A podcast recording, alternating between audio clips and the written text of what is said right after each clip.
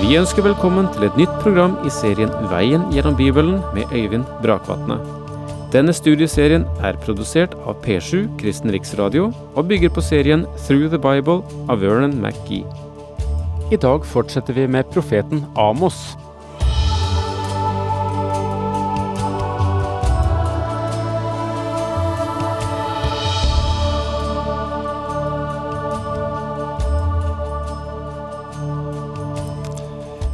Amos eh, står i kongens kapell med sin forkynnelse.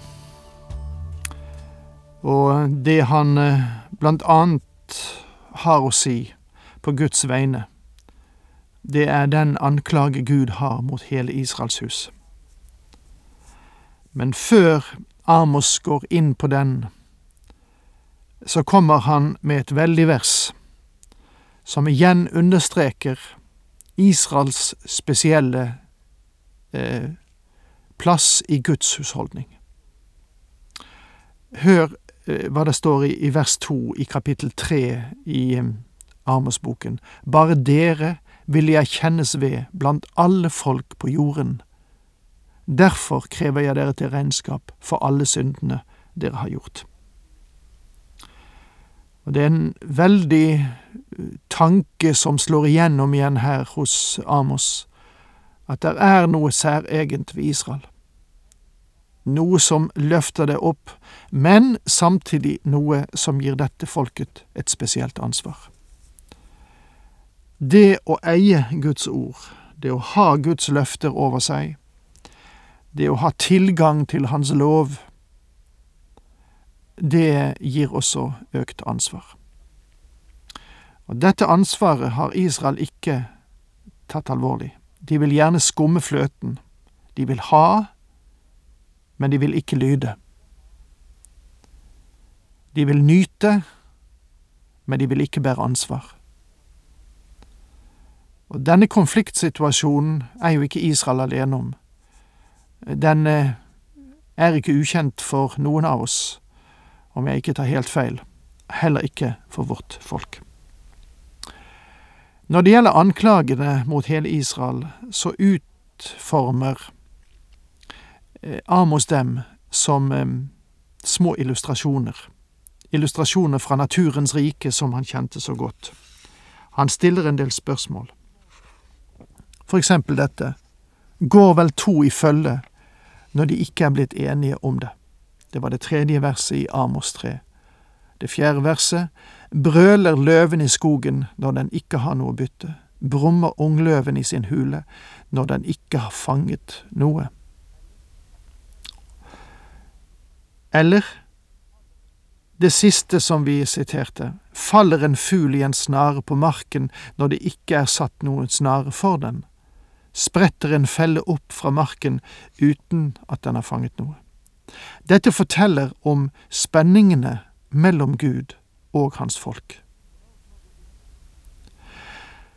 Og La oss nå gå inn igjen i det siste verset vi siterte her, nemlig det femte, der det altså sto Faller en fugl i en snare på marken når det ikke er satt noen snare for den, spretter en felle opp fra marken uten at den har fanget noe. Selvfølgelig vil ikke en fugl fly i en snare uten at det er lagt en snare for den. Da jeg var liten gutt, hadde jeg en ertesyk onkel som sa at hvis jeg bare fikk lagt litt salt på halen til en fugl, så kunne jeg fange den. Så jeg sprang over haug og hammer for å få drysset litt salt på en av de mange småfuglene, men det gikk ikke. Og det gikk snart opp for meg at jeg var blitt lurt, og at jeg ikke kunne fange en fugl uten en snare eller en felle. I naturen er det også alltid dette prinsippet med årsak og virkning. Skal du fange en fugl, så må du også ha en felle. Og her er et annet spørsmål. Spretter en felle opp fra marken uten at den har fanget noe? Jegeren vil ikke sette en snare hvis han ikke kan fange noe i den. Om du setter en snare, gjør du det fordi du venter at du skal fange noe i den, og hvis det ikke er noen dyr der som kan gå i snaren eller fellen, så fortsetter du ikke å ha den der. Gjaller vel hornet i en by uten at folket skjelver av redsel, Eller hender det en ulykke i byen uten at Herren har gjort det? Gjaller vel et hornet i en by uten at folk skjelver av redsel. Gud har sagt at folket er under hans dom, og den vil komme. Og det er jo tåpelig å la være å ta hensyn til det. Det burde ha en virkning på deres liv, men de lytter ikke til profeten. Ikke noe mer enn vårt folk lytter til Guds ord i dag. Eller hender det en ulykke i byen uten at Herren har gjort det? La oss først være klar over at ordet ulykke ikke betyr noe som er syndig eller galt. Det betyr vanskeligheter eller dom. I denne forbindelse vil jeg gjerne understreke at dette blant annet betyr at ingenting i et Guds barns liv skjer på bakgrunn av tilfeldigheter. Der er en årsak som fører til en virkning.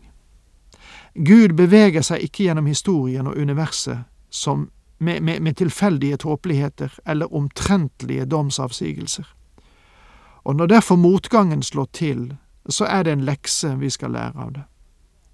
Og jeg tror at hvis vi nordmenn hadde lært noe av motgangens lekse, barkebrødstidene, depresjonen og krigen, hadde vi vært i en heldigere situasjon enn vi kanskje nå er. Men vi mennesker vil ikke lære. Mine venner, dette forteller oss at Gud ikke vil la en nasjon bo i fred og velstand når den er senket ned i synd. Visst kan vi ha perioder med fred og fremgang, men dommen vil komme. Amos stiller sju spørsmål som illustrerer at for hver virkning er det en årsak, og at Guds dom som kommer, er ikke tilfeldig, men et resultat forårsaket av folkets synd. For Herren gjør ikke noe uten at han har åpenbart sitt råd for sine tjenere, profetene. Amos sier at Gud ikke vil gå fram til dom før han har formidlet sitt budskap og sin nådeanledning gjennom profetene. Han vil la dem vite hva han har til hensikt å gjøre. Når løven brøler, hvem må ikke da bli redd? Når Herren Gud har talt, hvem må ikke da profetere? Profetene forkynte Guds budskap for Israel. Problemet i vår tid er ikke at folk ikke har Guds ord. Problemet er at de ikke vil lytte til dette ordet fra Gud. Hans advarsel er nedfelt i Hans ord, og jeg føler at Bibelen er mer i takt med livet enn morgendagens avis. Men Guds ord vil være like godt dagen etter og dagen deretter og helt til tidenes ende. Det har alltid vært Guds metode å åpenbare for dem som er hans egne, informasjoner angående fremtidige dommer. Du husker at under Noas tid fortalte Gud ham om storfloden og storflommen som skulle komme, og han ga Noah 120 år til å advare sin samtid. Men verden tok ikke hensyn til hans budskap. Husk også at Gud lot Abraham kjenne god tid i forveien ødeleggelsene i Sodoma og Gomorra. Og det er bra at han gjorde det, for om han ikke hadde gitt Abraham sin venn nødvendige informasjoner, så ville Abrahams syn på den allmektige Gud vært feil. Det har alltid vært Guds metode å åpenbare slike ting for sine egne. Da Gud var her i kjød, sa han til sine disipler, Jeg kaller dere ikke lenger tjenere, for tjeneren vet ikke hva Hans Herre gjør. Jeg kaller dere venner, for jeg har sagt dere alt jeg har hørt av min far. Slik står det i Johannes 15, vers 15. Og det er mange eksempler på dette gjennom hele Bibelen. Han ga et forvarsel til Josef i Egypt om de syv årene med hungerkatastrofe som skulle komme over jorden. Elia fikk også et forvarsel om den tørken som ville komme over Israel. Han sto frem ved Akabs og Jesabels hoff for å profetere for dem at en tørkekatastrofe ventet folket. Så sant Herren Israels Gud lever, Han som jeg tjener, de første årene skal det verken komme dugg eller regn utenpå mitt ord. Så marsjerte han ut fra kongens slott og forsvant i mer enn tre år. Siden det er Guds metode å advare før den kommende dom, så sa Herren til sine apostler da de var samlet på Oljeberget, at Jerusalem skulle ødelegges, sten skulle ikke levnes på sten.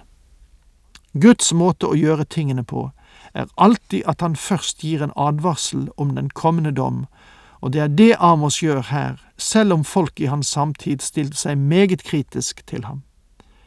Folk vil egentlig ikke høre om dom, de ville heller, ikke, heller stikke hodet i sanden som strutsen. Og Det finnes også mennesker som ikke vil gå til legen fordi de er redd for å høre at noe kan være galt med dem. Mennesket vil ikke lytte til de smertefulle nyhetene om dom som kommer.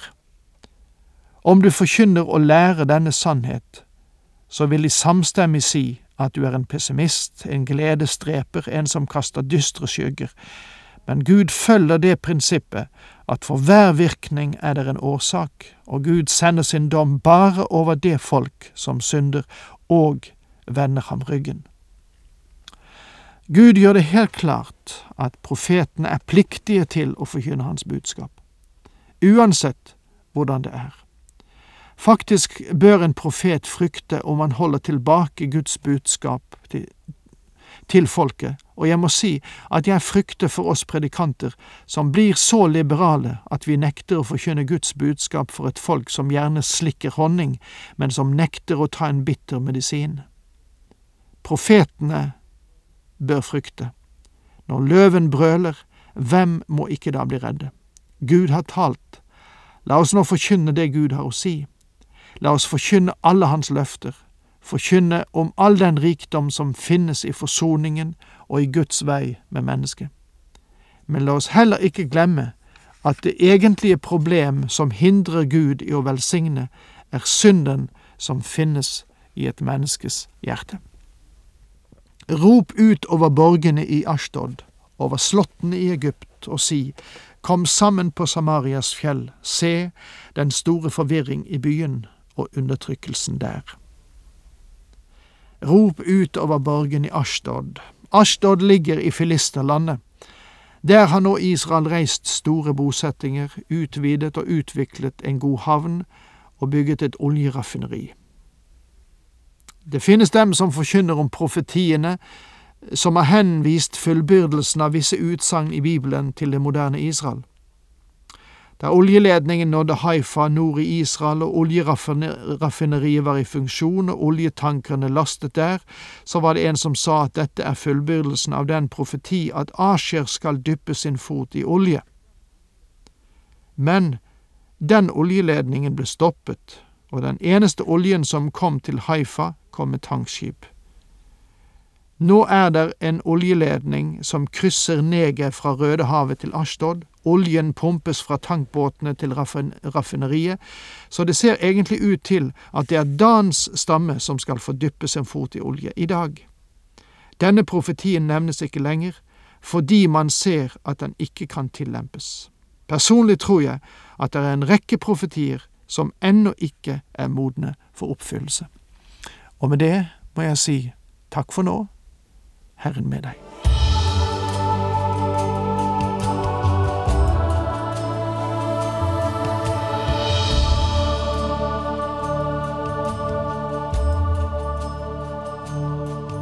Du hørte Øyvind Brakvatne i studieserien Veien gjennom Bibelen. Serien bygger på et manus av Vern McGee.